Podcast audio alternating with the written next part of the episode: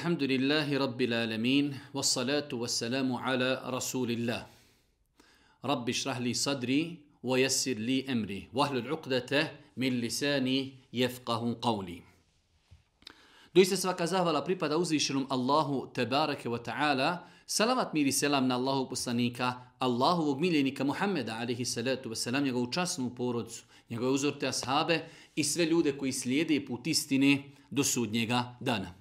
Uvažna braćo i poštovani sestre, uvaženi gledatelji, evo nas u još jednom našem terminu srijeda nakon jacije namaza u kojem se družimo sa odabranim kuranskim ajetima. Vjerujem da velik broj vas i zna da smo u mjesecu Ramazanu počeli sa ovim serijalom emisija i evo hvala uzvišom Allahu te barak ve ta'ala skoro pa 7-8 mjeseci mi kontinuiramo držimo dersove e, dva termina sedmično u kojima komentarišemo odabrane kuranske ajete. Trenutno se nalazimo na samom kraju 28. džuza. Danas i sutra završavamo 28. džuz i ostaju nam još dva džuza, džuz Tebarek i džuz Amme. Večeras uz Allahu subhanahu wa ta'ala pomoć družimo se sa surom Et-Tagabun, samo obmana. Ova sura Et-Tagabun, po mišljenju velikog broja islamskih učenjaka, je sura objavljena u Medini. Iako znači postoji razilaženje, u pogledu određenih sura postoji razilaženje jesu li objavljene u Mekki ili u Medini. Mi smo rekli generalno gledajući da imamo sure koje su objavljene u Mekki, imamo sure koje su objavljene u Medini, imamo sure da su jedan dio sure objavljen u Mekki, a jedan dio je objavljen u Medini. A imamo neke sure u pogledu kojih i sura i određenih ajeta postaje, postoji razilaženja kod islamskih učenjaka i su objavljena u Mekki u Medini, što na kraju krajeva e, ne nosi nikakvu stvarnu korist u smislu, bez obzira da li je objavljeno u Mekki ili u Medini, to je Kur'an i nama je bitno da učimo Kur'an, da razmišljamo o njegovim značajima i da to prakticiramo. Pa ova sura po mišljenju većinskog dijela učenjaka je medinska sura objavljena u Medini, iako je bilo učenjaka koji su smatrali da je objavljena u Mekki, a bilo je učenjaka koji su smatrali da je dio sure objavljen u Mekki, a dio u Medini. Ova sura ima 18 ajeta, u mushafu je 64. Raspored, znači prema mushafu, to je 64. sura. Zove se sura Et-Tagabun. Jer je uzvišnji Allah s.w.t. u jednom od ajeta spomenuo ime sudnjeg dana Jeume Tegabun, dan samo obmani. Kazao je šejh Mahluf, Jeumu Tegabun Jazharu fihi gabnul kafirine bi terkihi el iman. Dan samoobmane je dan kada će nevjernici shvatit da su sami sebe obmanuli to što nisu vjerovali. Što nisu vjerovali, a i vjernici će osjećati e, jednu vrstu obmani što nisu povećali svoje ibadete. Pa ova sura je sura Et-Tagabun, samo obmana, koja će se desiti na sudnjem danu, znači et-tagabun je jedno od imena sudnjega dana. Ova sura kao i više drugih sura počinje riječima yusebbihu lillahi ma fi samawati yusebbihu lillahi ma fi samawati wa ma fil ard lahu al-mulku wa lahu al-hamdu wa huwa ala kulli shay'in qadir počinje tesbihom, veličanjem uzvišenog Allaha subhanahu wa ta'ala. Kaže uzvišeni Allah, ono što je na nebesima i ono što je na zemlji, hvali i veliča Allaha. Mi smo govorili nekoliko puta šta je u stvarnosti tesbih. Kada mi nakon namaza kažemo 33 puta subhanallah, subhanallah, subhanallah, subhanallah, subhanallah, neka je veličanstven uzvišeni Allah. Mi na taj način veličamo Allaha tvrdeći, vjerujući da uzvišeni Allah je apsolutno savršen i da nema nikakvi manjkavosti. Pa insan kada vidi nešto što ga začudi, kaže subhanallah, neka je veličanstven uzvišeni Allah u svome savršenstvu i svim potpunim svojim svojstvima. Pa kaže uzvišeni Allah, ono što je na nebesima i ono što je na zemlji, hvali Allaha njemu vlast i njemu pohvala pripada, on sve može. Istinska vlast pripada Allahu. Istinska pohvala pripi, pripada uzvišenom Allahu. Wa huwa ala kulli shay'in qadir. Doista on sve može. Allahu ekber. Allaha veliča sve što je na nebesima i sve što je na zemlji. To je prva stvar u ovom ajetu. Ono što je na nebesima i ono što je na zemlji, hvali Allaha. Lehul mulku wa lehul hamd. Njemu pripada istinska vlast. To što čovjek može na dunjalku u datom momentu imati ograničenu vlast, sve je to prolazno, sve je to dijelimično, sve je to parcijalno. Istinska vlast je vlast od uzvišenog Allaha subhanahu wa ta'ala. On je vladar, on je gospodar zemlje i nebesa, maliki jeumidin, vladar, vladar ili vlasnik sudnjega dana. Kaže uzvišeni Allah, وَهُوَ عَلَى كُلِّ شَيْءٍ قَدِيرٍ On je sve mogući. Kada bi se samo zaustavili kod ovog dijela ajeta وَهُوَ عَلَى كُلِّ شَيْءٍ قَدِيرٍ Zamislite čovjeka koji klanja, klanja namaz i dođe do ovog dijela ajeta وَهُوَ عَلَى كُلِّ شَيْءٍ قَدِيرٍ On je sve mogući. Koliko se sjećam, na više od 30 mjesta u Kur'anu uzvišeni Allah ponavlja ovu frazu wa huwa ala kulli قَدِيرٍ qadir. Doista je Allah svemogući. Imaš probleme siromašan si zdravlje problem s komšijom problem na poslu bolest ovo ili ono obrati se Allahu. Zašto? Jer je on svemogući. Kada želi nešto, samo kaže budi. I ono odma budi.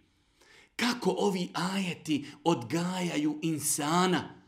Odgajaju insana da vezuje srce za svoga gospodara, uzvišenog Allaha, svemogućeg. Nakon toga, u drugom, trećem i četvrtom ajetu uzvišeni Allah subhanahu wa ta'ala kaže Huwa alladhi khalaqakum فمنكم كافر ومنكم مؤمن والله بما تعملون بصير. خلق السماوات والأرض بالحق وصوركم فأحسن صوركم وإليه المصير. يعلم ما في السماوات والأرض ويعلم ما تسرون وما تعلنون والله عليم بذات الصدور. الله أكبر. Tri ajeta koji nam govori o Allahu subhanahu wa ta'ala o njegovim imenima i njegovim svojstvima. Kaže uzvišeni Allah, on vas stvara. On, huwa alladhi khalaqakum. Nije insan nastao od majmuna. Allah je stvorio čovjeka. Huwa alladhi khalaqakum. On je taj koji je stvorio čovjeka. Čovjek je stvoren s ciljem da robuje Allahu. Čovjek je na ispitu. E hasibe nasu en, jutraku, e, en jutrake suda. E hasibe insanu en jutrake suda. Misli li insan da je onako stvoren, da će biti onako pušten? Ne. Čovjek je stvoren da robuje Allahu subhanahu wa ta'ala. Da se vidi kako će se ponašati u svom svakodnevnom životu. Huwa allazi khalaqakum. On je taj koji vas je stvorio. On kao stvoritelj, savršeni, ima pravo, odnosno naša obaveza je da mu robujemo i da mu ibadete činimo i da se njemu pokoravamo. Zašto? Jer je on naš stvoritelj. Huwa alladhi khalaqakum faminkum kafir wa minkum mu'min. A među vama ima oni koji će biti vjernici i oni koji će biti nevjernici. Allahu ekber. Allah je šano stvorio čovjeka, dao mu je razum da razumije dokaze oko sebe na osnovu kojih će spoznati gospodara. Pogledajte sunce, pogledajte mjesec, pogledajte kosmos, pogledajte čovjeka i u sve to uzvišeni Allah šalje poslanike, objavljuje knjige i opet ljudi neće da vjeruju. Pa je uzvišeni Allah taj koji stvorio čovjeka i dao mu slobodnu volju da odaberi hoće li vjerovati i neće li vjerovati. Više puta smo spomenuli, nemoguće je da čovjek iskreno u srcu kaže ja rab, uputi me na istinu. Ja tragam za istinom. Onog momenta kada je nađem, ja ću je prihvatiti, a da takav insan ne nađe put ka istini. Problem je onog momenta kada ljudima dođu dokazi, kada mu neko predoči istinu, otvori Kur'an, otvori dokaz, neću, ne mogu, inat, oholost, moji djedovi nisu tako bili. Nema tu objektivnosti, nema tu iskrenosti. Pa kaže uzvišeni Allah, huwa alladhi khalaqakum. On vas je stvorio. Fa minkum kafir, wa minkum mu'min. Među vama ima i kafira, nevjernika, a ima i onih koji su vjernici. Wallahu bima ta'maluna basir. Sve što vi radite, Allah dobro vidi. Sve što vi budete radili, Allah vidi. Radiš dobro, Allah vidi. Radiš zlo, Allah vidi. Makar ljudi ne znali, za tvoje dobro zna Allah. Upisano je. Ahsahu Allahu, vanesu. Allah je to prebrojao i zapisao i evidentirao. Vanesu, oni su to zaboravili. Pa ako uradiš dobro, ne sikiraj se. Neće ga zaboraviti uzvišeni Allah. Ali isto tako, ako uradiš zlo, neće ga uzvišeni Allah zaboraviti. Wallahu bima ta'maluna basir. Allah dobro vidi šta vi radite i šta vi činite. Pa nastavlja, kaže, halaka samavati wal arda bil haq, wa sawarakum, fa ahsene suvarakum wa ilaihi il masir. On je zemlju i nebesa mudro stvorio. Mudro stvorio. Allah je šano stvorio zemlju i nebesa. Nije to stvoreno bez razloga. Nije to stvoreno, e, znači, kako što, kao što kažu Arapi, ašvaijen, onako, ofrlji. Stvoreno je s mudrošću. I zemlja i nebesa, sve je pokorno uzvišenom Allahu subhanahu wa ta'ala. On vam oliće daje. Vosawarakum fa ahsene suvarakum i likove vam i likove vaše čini lijepim. On vam daje likove. On vam daje vaš izgled, ali vam je dao najljepši izgled. Allahu ekber, pogledajte insana generalno kao, kao stvorenje, kao biće. Uporedite ga sa drugim stvorenjima, sa životinjama, sa insektima, sa ovim, sa onim. Allah Đelešanu je stvorio čovjeka fi ahseni takvim, u najljepšem izgledu.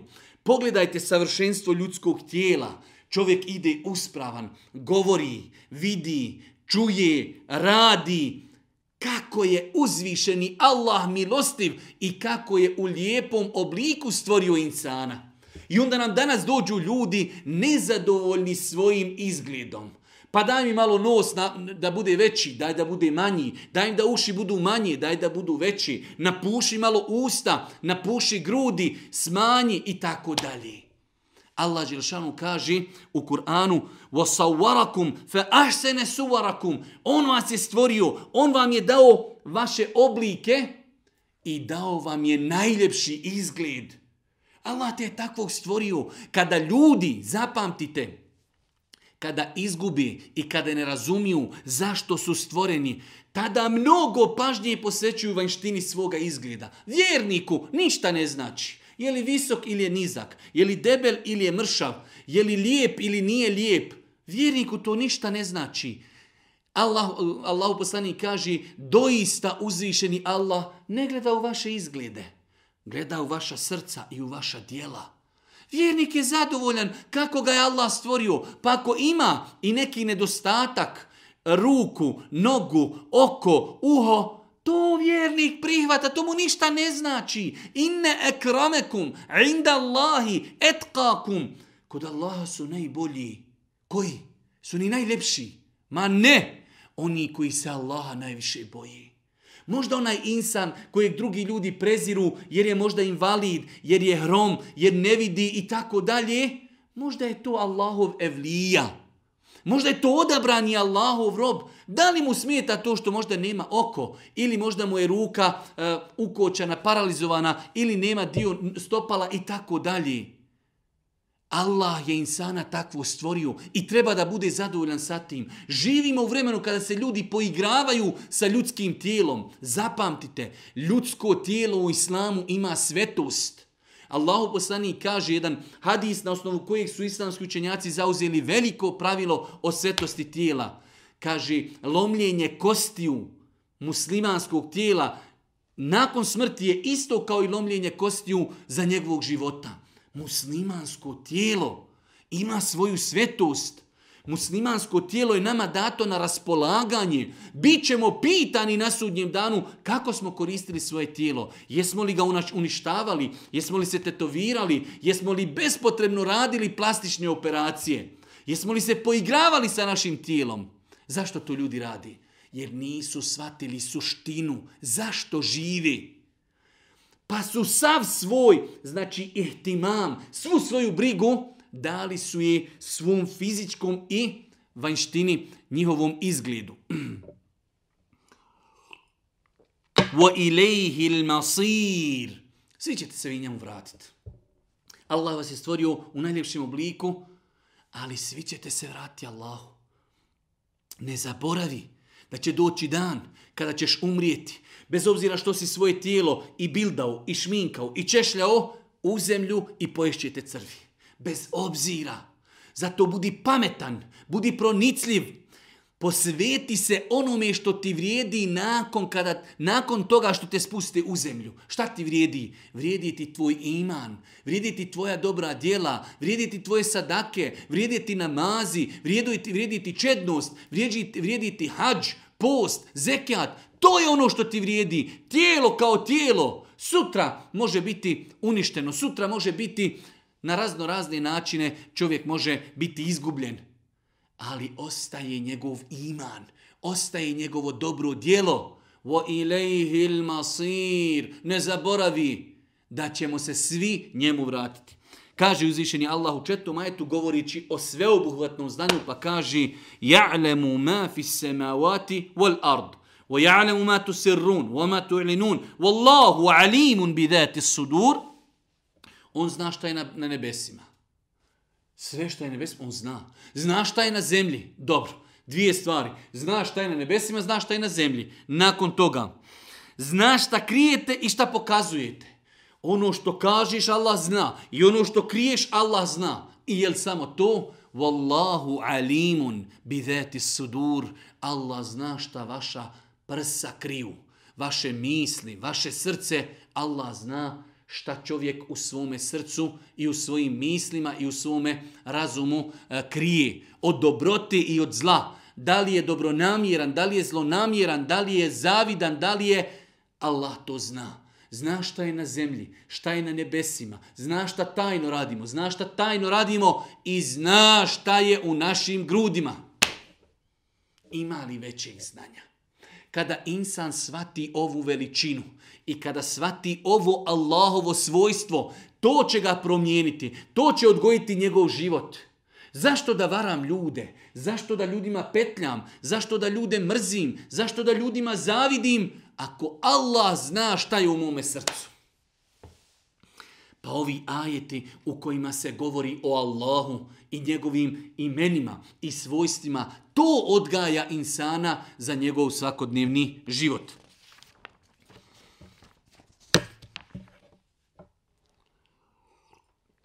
Nakon toga uzviši Allah subhanahu wa ta'ala u petom i šestom ajetu prelazi da govori o jednom drugom pitanju, a to je obraća se kurešijama, nevjernicima, koji nisu vjerovali u Božijeg poslanika, pozivajući ih da razmisli šta je se desilo prijašnjim narodima koji su išli istim putem kao i oni nisu vjerovali svojim poslanicima, utjerivali su ih u laž, ubijali su ih, borili se protiv njih. Pa kaže uzvišeni Allah, Elem je tikum nebe u ledhine keferu min qabl, fe dhaku wabal emrihim, wa lehum azabun elim. Zalike, بأنه كانت تأتيهم رسلهم بالبينات فقالوا أبشر يهدوننا فكفروا وتولوا واستغنى الله والله غني حميد Allahu ekbar. Molim vas, poslušajte ove ajete.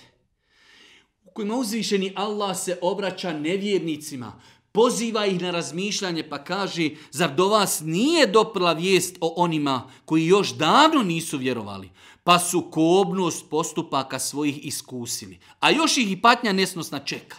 Zar do vas nije došlo, o kurešije i o nevjernici sadašnjosti, da su priješnji narodi, Nuhov narod poplavljen, Hudov narod uništen, Salihov narod uništen, Lutov narod uništen.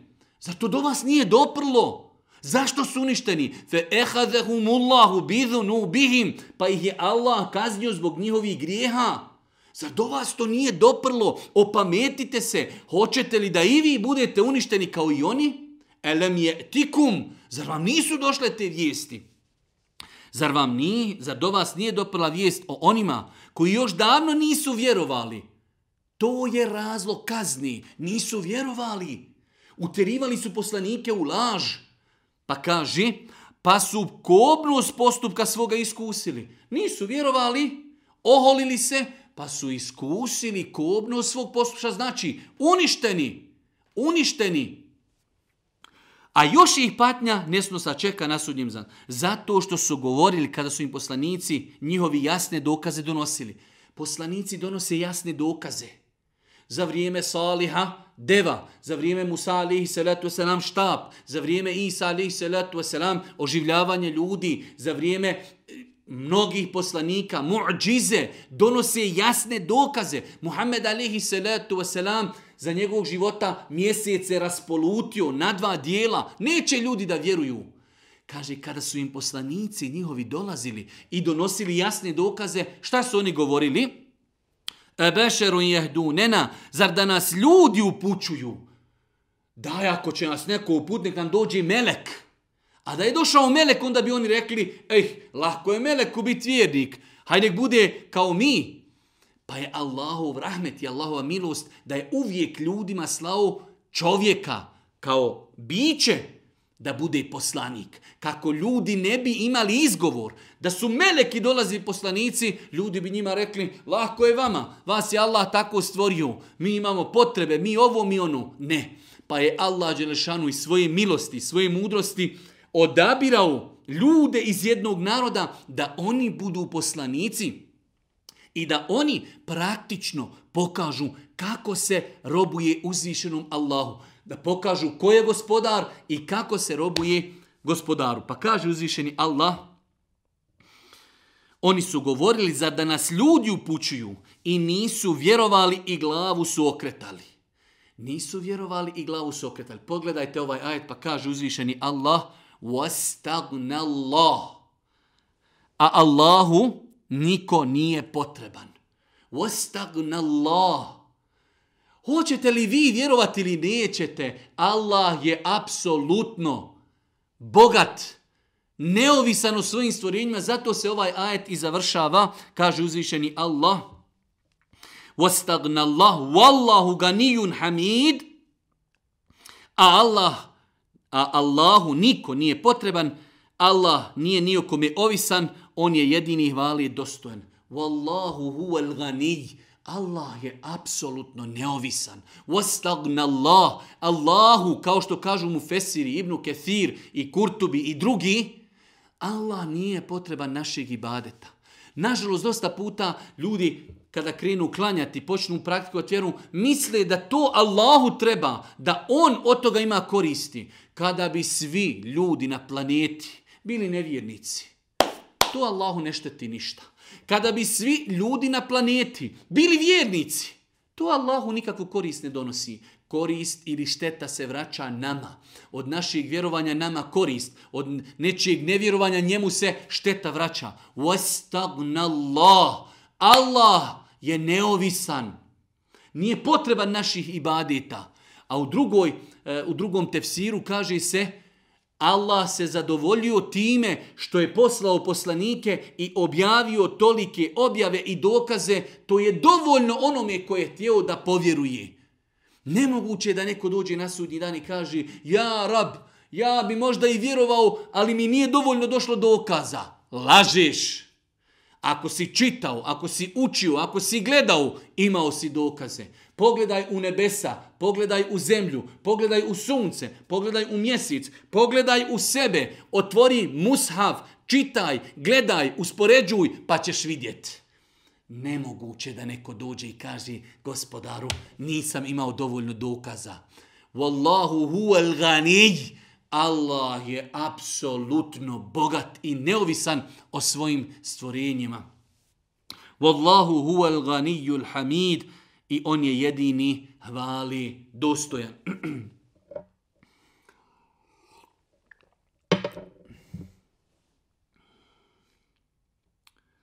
Nakon toga, uzviši Allah subhanahu wa ta'ala govori o izjavi nevjernika.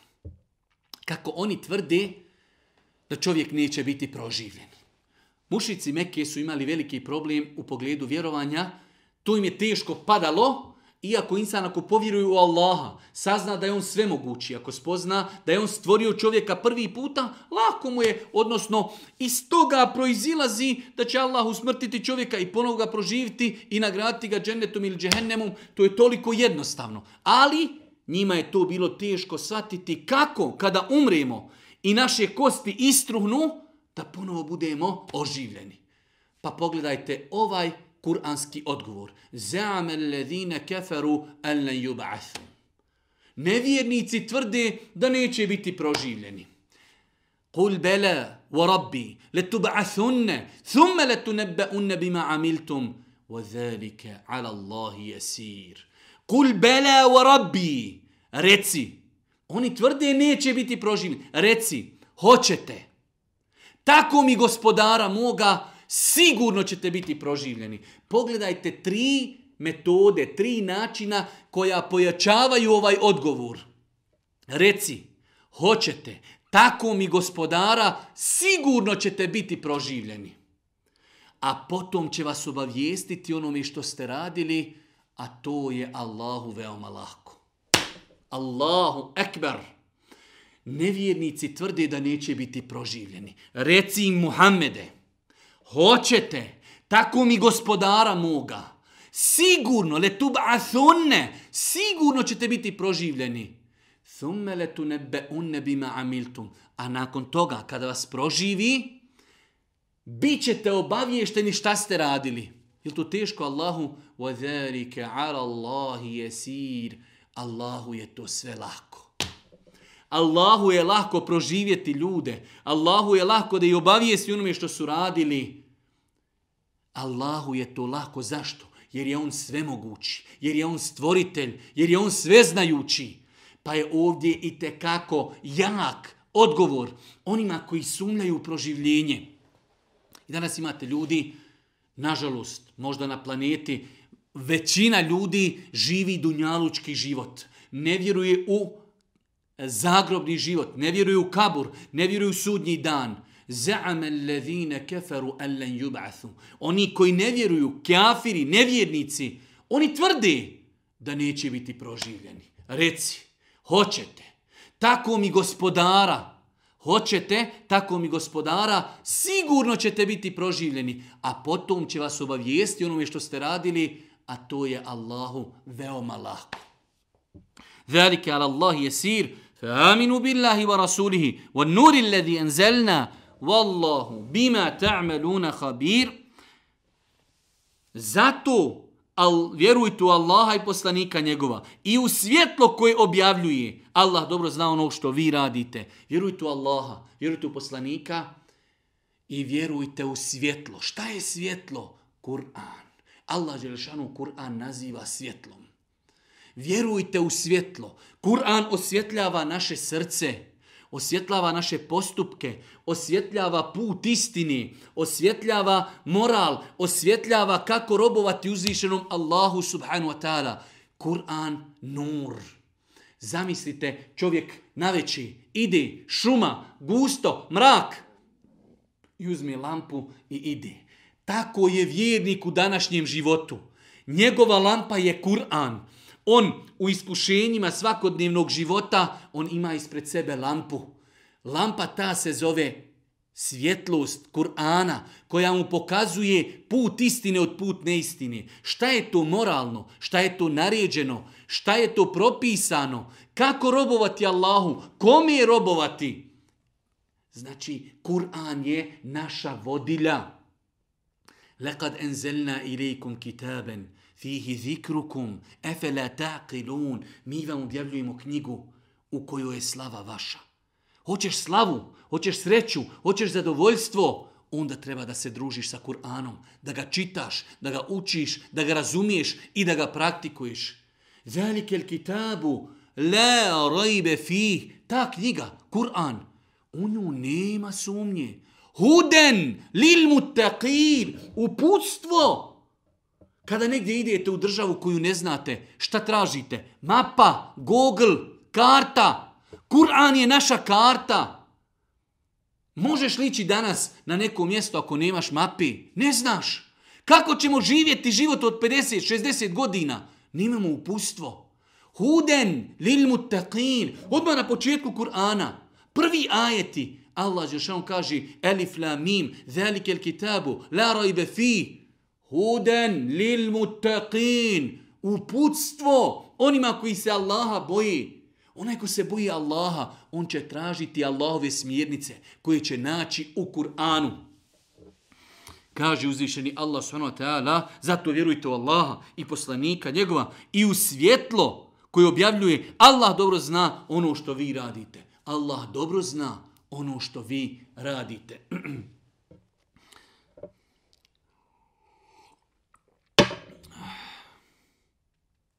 Nakon toga, uzvišnji Allah s.w.t. govori o sudnjem danu. Pa kaže, jeume jeđme'ukum li jeumil džem'i. Zalike jeumu tegabun. ومن يؤمن بالله ويعمل صالحا يكفر عنه سيئاته ويدخله جنات تجري من تحتها الانهار خالدين فيها ابدا ذلك الفوز العظيم والذين كفروا وكذبوا باياتنا اولئك اصحاب النار خالدين فيها وبئس المصير govori uzvišeni Allah u sudnjem danu i kako će završiti dvije kategorije ljudi, vjernici i nevjernici. Pa da čujemo, kaže uzvišeni Allah, a onoga dana, kada vas on na onome svijetu sakupi, to će biti dan kada će vam biti jasno da ste sebe, sami sebe obmanuli. Onog dana kada vas on okupi, shvatit ćete da ste sami sebe obmanuli. Rekli smo na početku da je rekao Šeh Mahluf, sami sebe obmanili, nevjernici će shvatiti da su pogriješili što nisu vjerovali. A vjernici će shvatiti da su trebali još više svoj život iskorištavati kako bi zaslužili Allahu milost i kako bi što veće deređe zaslužili u džennetu. To je dan kada će Allah okupiti ljude i kada će ljudi shvatiti da su se obmanuli. Pa da vidimo dvije kategorije ljudi. I on će preko, i on će preko hrđavih postupaka onoga koju Allah vjerovao i dobra djela činio i uvešće ga u džennetske baše kroz koje će rijeke teći. U, njima će, vje, u, nji, u, u njima će vječno i zauvijek boraviti. To će uspjeh veliki biti. Oni koji su vjerovali u Allaha subhanahu wa ta'ala, kaže uzvišeni Allah, وَمَنْ يُؤْمِنْ بِاللَّهِ وَيَعْمَلْ صَالِحًا Onaj ko bude vjerovao u Allaha, i radio dobra djela, imao namaz, imao post, imao zekijat, sadaku i tako dalje, vjeruju u Allaha, činio dobra djela, šta će biti? Ju kefir anhu se. Allah će mu oprostiti grijehe. Yudhilhu džennat, uvešće ga u džennete kroz koje će rijeke teći. Halidine fiha ebeda, u tim džennetima tu će ostati vječno.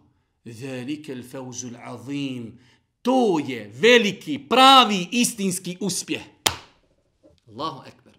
U Kur'anu gdje god se spominje veliki uspjeh na ahiretu. Na dunjalu nema velikog uspjeha. Sve je to prolazno. Svi ćemo u kabur.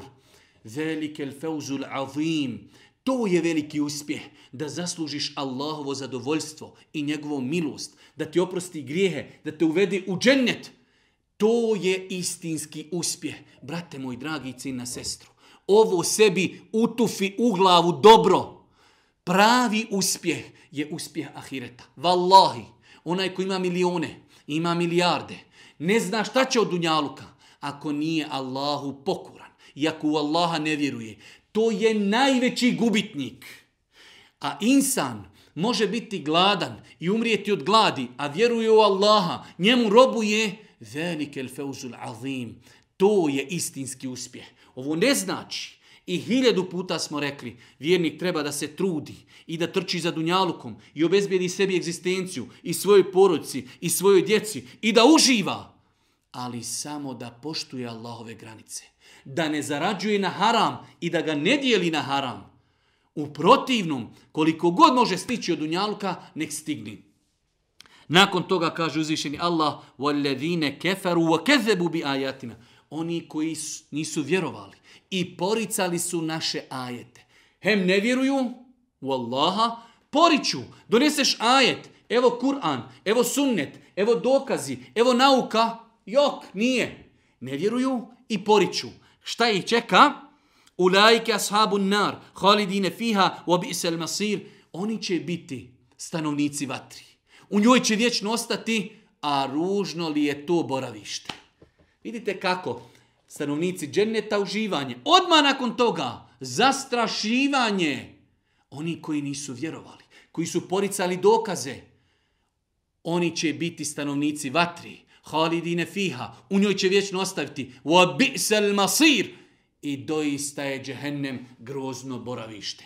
Pa ovi ajeti treba da nas odgoje, da se trudimo, da se natječemo, da shvatimo. Bez obzira šta imao na dunjaluku, ako ne vjeruješ i ako nisi pokoran Allahu, ako nisi shvatio svrhu tvog života na dunjaluku, to je najveća propast. A najveći uspjeh je zaslužiti ahiret.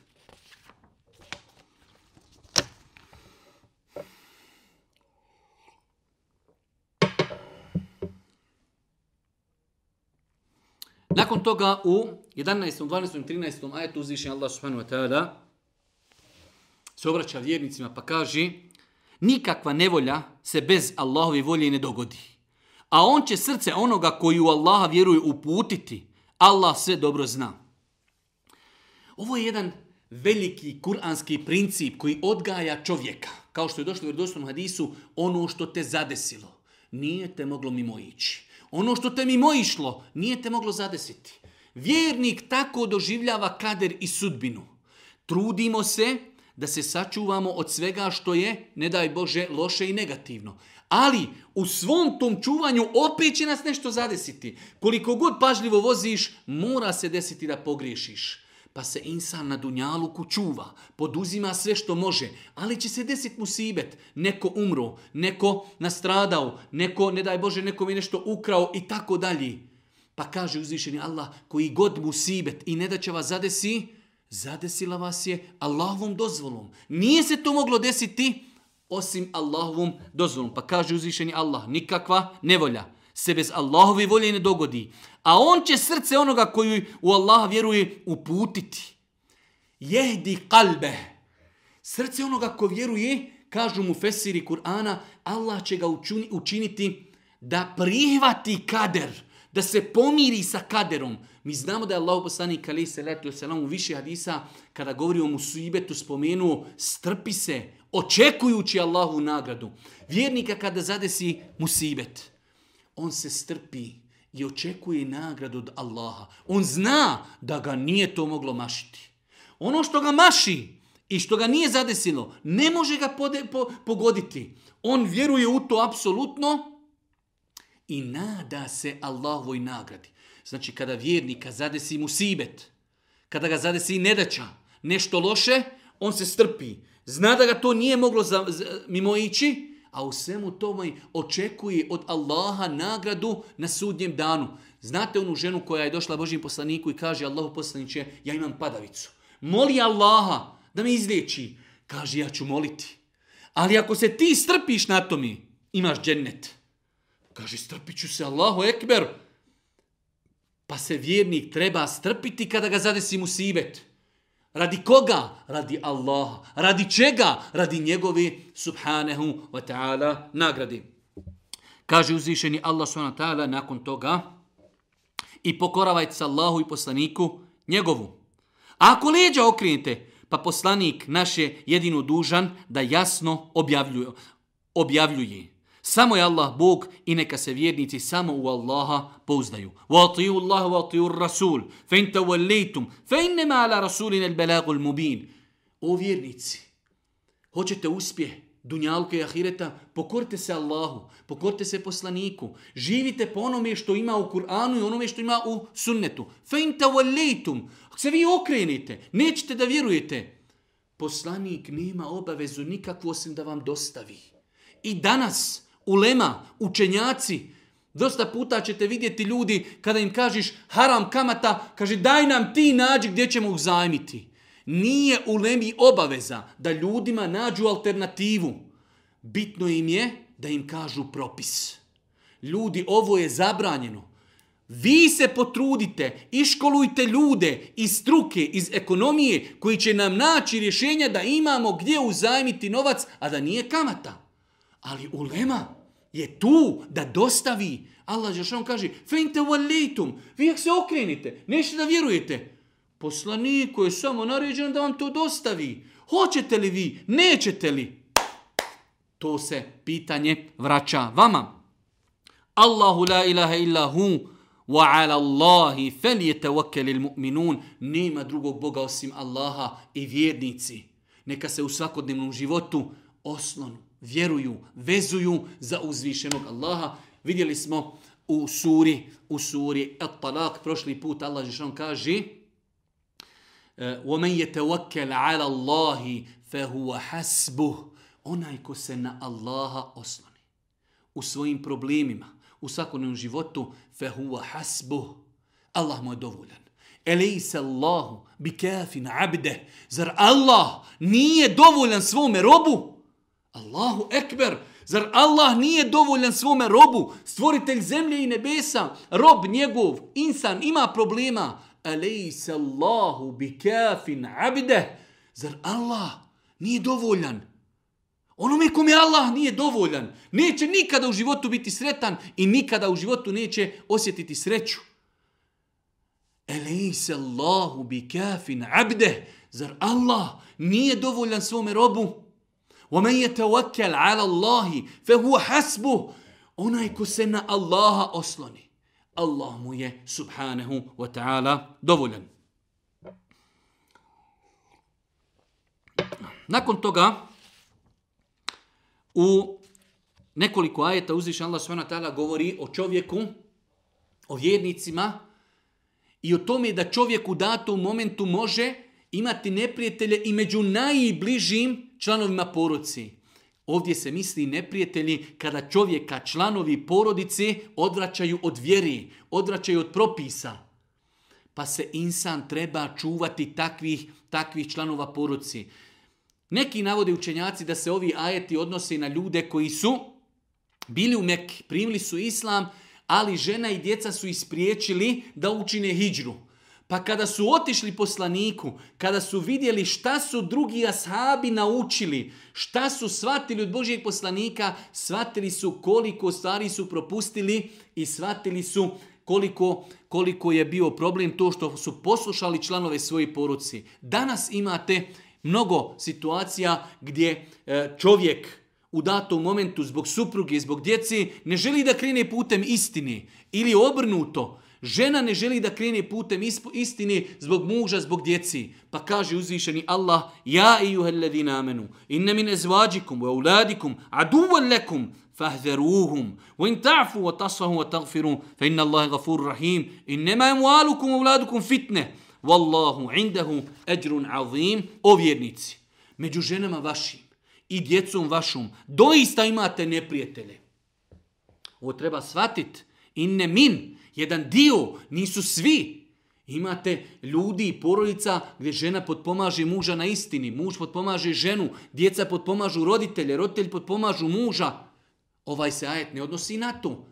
Već su djeca i supruge neprijatelji insanu onog momenta kada ga odvlače od Allaha, kada ga odbijaju od pokornosti. Čovjek bi krenuo na namaz, nemoj, što ćeš, ne trebaš i tako dalje.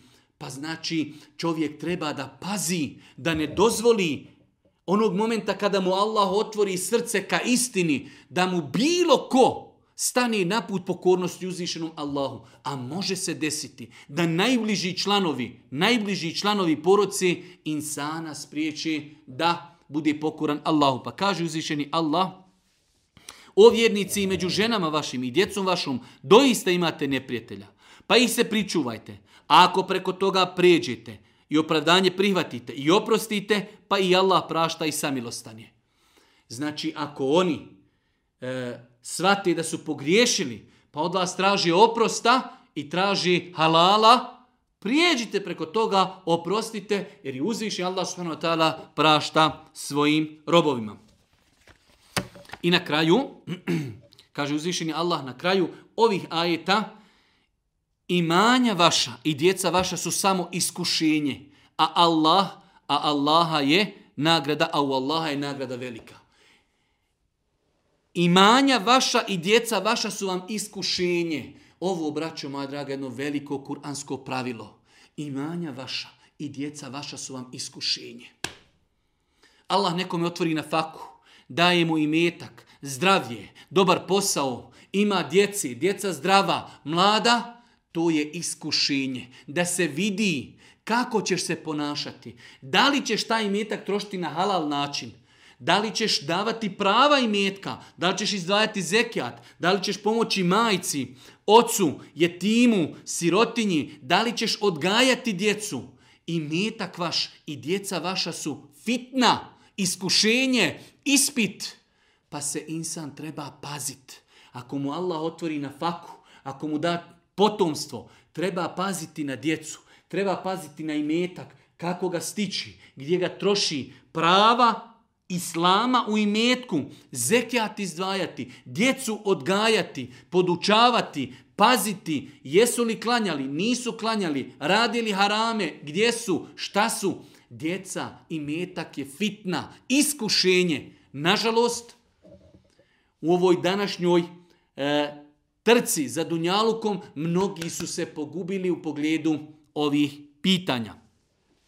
I na kraju, e, tri posljednja ajeta, 16. 17. i 18. ajet u suri Et-Tagabun, Allah Žešanu kaže فَتَّقُوا اللَّهَ مَسْتَطَعْتُمْ وَاسْمَعُوا وَاطِيعُوا وَانْفِقُوا خَيْرًا لِيَنْفُسِكُمْ وَمَنْ يُوقَ شُحَ نَفْسِهِ فَأُولَٰئِكَ هُمُ الْمُفْلِحُونَ إِن تُقْرِضُوا اللَّهَ قَرْضًا حَسَنًا يضاعفه لكم ويغفر لكم والله شكور حليم عالم الغيب والشهادة العزيز الحكيم Kaže uzvišeni Allah, zato se Allaha bojte koliko god možete. Ovo je jedno veliko islamsko pravilo, kuranska formula, fettakullaha mestata'tum. Bojte se Allaha koliko možete. Ovo pravilo mnogi zloupotrebljavaju. Bojte se Allaha istinski koliko možete, a Allah zna koliko možete. Primjer radi, čovjek je bolestan, pa kaže ne mogu klanjati stojeći. U redu, Allah zna da ti to ne možeš, ali klanjaj sjedeći, klanjaj ležeći, klanjaj na boku, klanjaj na leđima, ali ne možeš reći ja sam bolestan, neću klanjati nikako. Ne, bojte se Allaha koliko možete. Ovo je jedno veliko životno pravilo. Allah zna koliko možemo. Boj se Allaha koliko možeš. U svakoj situaciji. Danas živimo u vremenu i prostoru kada su muslimanima nametnute mnoge stvari koji su kontradiktornosti sa islamom. Ako već nešto moraš uraditi što je zabranjeno, onda radi preziri. Radi minimalno koliko moraš uraditi nešto što ti je zabranjeno. Fettekullahe, meste ta'tum. Ali isto tako da se ne poigravamo. Pa ne možemo mi u Bosni klanjati. Pa ne može se u Bosni nositi mahrama. Ja sam u Švicarskoj, ja sam u Njemačkoj. Ovdje ne možeš klanjati na poslu. Ovdje ako nosiš mahramu, nije tačno. Ovo, ovaj ajet je olakšica. Bojte se Allah koliko možete. A Allah zna koliko možemo. Ako u jednom gradu u Njemačkoj ili Švicarskoj, Francuskoj ima stotinu žena pod hijabom i ti sutra gospodar kažeš nisam mogla nositi mahramu, pa kako su drugi sto žena nosile? Gospodaru nisam mogao klanjati, a sto drugih ljudi u toj firmi isto i klanja. E onda to nije ovaj ajet. Bojite se Allaha koliko možete, ali između tebe i Boga. Fettakullahi mestata'tum, wasma'u, wa I slušajte i pokoravajte se Allahu njegovom poslaniku i milostinju udjeljujte za svoje dobro. Fettaku Allahe mjeste ta'atum, vesme'u, vati'u, wa anfiku, hajran. Kaže uzvišeni Allah, wa anfiku, hajran jem fusikum. To je bolje za, udjeljujte. Višak novca, daj sadaki, učestvuj. Za džamiju, daj, To je bolje za tebe. To uzvišeni Allah Đelšanu kaže وَمَنْ يُوقَ شُحَ نَفْسِي فَوْلَيْكَ هُمُ الْمُفْلِحُونَ A onaj ko bude sačuvan, pohlepe, gramzljivosti, bit će ti koji će uspjeti. Onaj ko bude sačuvan, ko se odgoji, da nije pohlepan, da ne žudi samo za imetkom, bez obzira kako će ga za, zaslužiti i zaraditi i steći, feulajke humul muflihun, oni će postići ono što želi, koji nisu samo zinuli na dunjaluk, bez obzira kako i na koji način ga zaslužuju. Kaže uzvišeni Allah subhanahu wa ta'ala, Ako Allahu drage volje zajam date, on će vam ga mnogostruko vrati i oprostit će vam, jer Allah je blagodaran i blag poznava se vidljivog i nevidljivog svijeta, silni i mudri. Kaže uzvišeni Allah, ako Allahu drage volje zajam date, on će vam ga mnogostruko vratiti. Allahu ne treba zajam. Allah mi je gospodar zemlje i nebesa. Ako vi Allahu date zajam, udjeljujući, pomažući islam, pomažući bijedu, davajući onog momenta kada daješ, daješ sebi, Ali Kur'an to izražava na način ako Allahu zajam date. Zajam očekujem da mi Allah to ukabuli. On će mi to nadomjestiti. Kakav je odgovor? Ako Allahu drage volje zajam date, on će vam ga mnogostruko vratiti. On će vas nagrati na hiretu, a i na dunjaluku će vam povećati i beričet, i metak, i zadovoljstvo. I samo ne da će vam mnogostruko vratiti, i oprostit će vam. Zašto? وَيَغْفِرْ لَكُمْ وَاللَّهُ شَكُورٌ حَلِيمٌ Allah je bez, beskrajno zahvalan i on je blagi. Dva imena, mi pokušavamo u svakom od dersova spomenuti komentar nekih Allahovi imena. Allah je šekur, beskrajno zahvalan. Šta znači Allah je šekur? Od šukr, od zahvala. Allah je beskrajno zahvalan. Šta to znači? Za male postupke, za mala dijela Allah daje velike nagrade. Allahu ekber. Ko posti dana refata, oprošteni grijesi. Ko posti dana šure, oprošteni grijesi. Ko isposti mjesec Ramazana, oprošteni grijesi. Ko rekni sto puta subhanallah, tolika nabra. Ko klanja duha namaz, tolika nagrada. Malena dijela, Allah daje velike nagrade. Zašto? Jer je on šekur. On je beskrajno zahvalan. Isto tako, Zadovoljan je sa robovima koji su mu zahvalni. Allah voli i zahvalan je sa robovima koji su zahvalni Allahu. Allahu akbar. Jedno od najljepših svojstava koja se mogu naći pri insanu jeste zahvalnost. Šta god da imaš od Allaha, hvala Allahu, Allah mi podario, Allah mi olakšao, nikako stvari nemoj pripisivati sebi. Ja uradio, ja kupio, ja postigo. Ne, Allah mi olakšao, elhamdulillah. Allah me obskrbio, Allah mi dao, Allah mi omogućio, pa sam završio fakultet. Allah me obskrbio, Allah mi dao i tako dalje. Pa Allah voli one robove koji su zahvalni uzvišenom Allahu. Allah je, kaže šekurun halim, blag. Allah je blag, pa ne požuruje sa kaznom svojim robovima. Pogledajte sada na planeti. Da mi vladamo planetom 10 minuta. Da nam neko kaže, e, evo, vi vladate planetom 10 minuta. Pogledajte šta sve ljudi radi. Ubijstva, pljačke, nemoral, e, korupcija, vino, klocka. Nema šta ljudi ne radi. Kako bi mi ljude požurili da ih kaznimo? A uzvišeni Allah je halim, blagi, milostivi, ne požuruje sa kaznom svojim robovima, a da požuruje sve bi uzvišeni Allah subhanahu uništio. Isto tako blage prema briječnicima. Ne uskraćuje im blagodati. Pogledajte ljudi, najveći grijeh na planeti je kufr, nevjerstvo. Ali opet Allah nevjernicima daje i blagodati. Nekada im dunjalučke blagodati daje više nego vjernicima.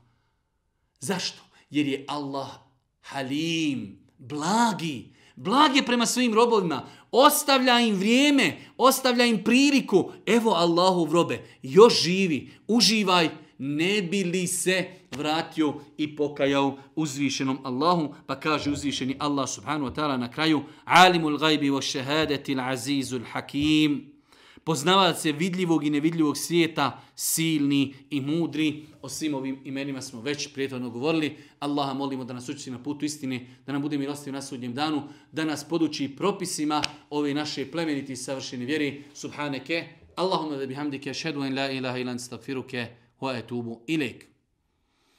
Oh, oh, oh.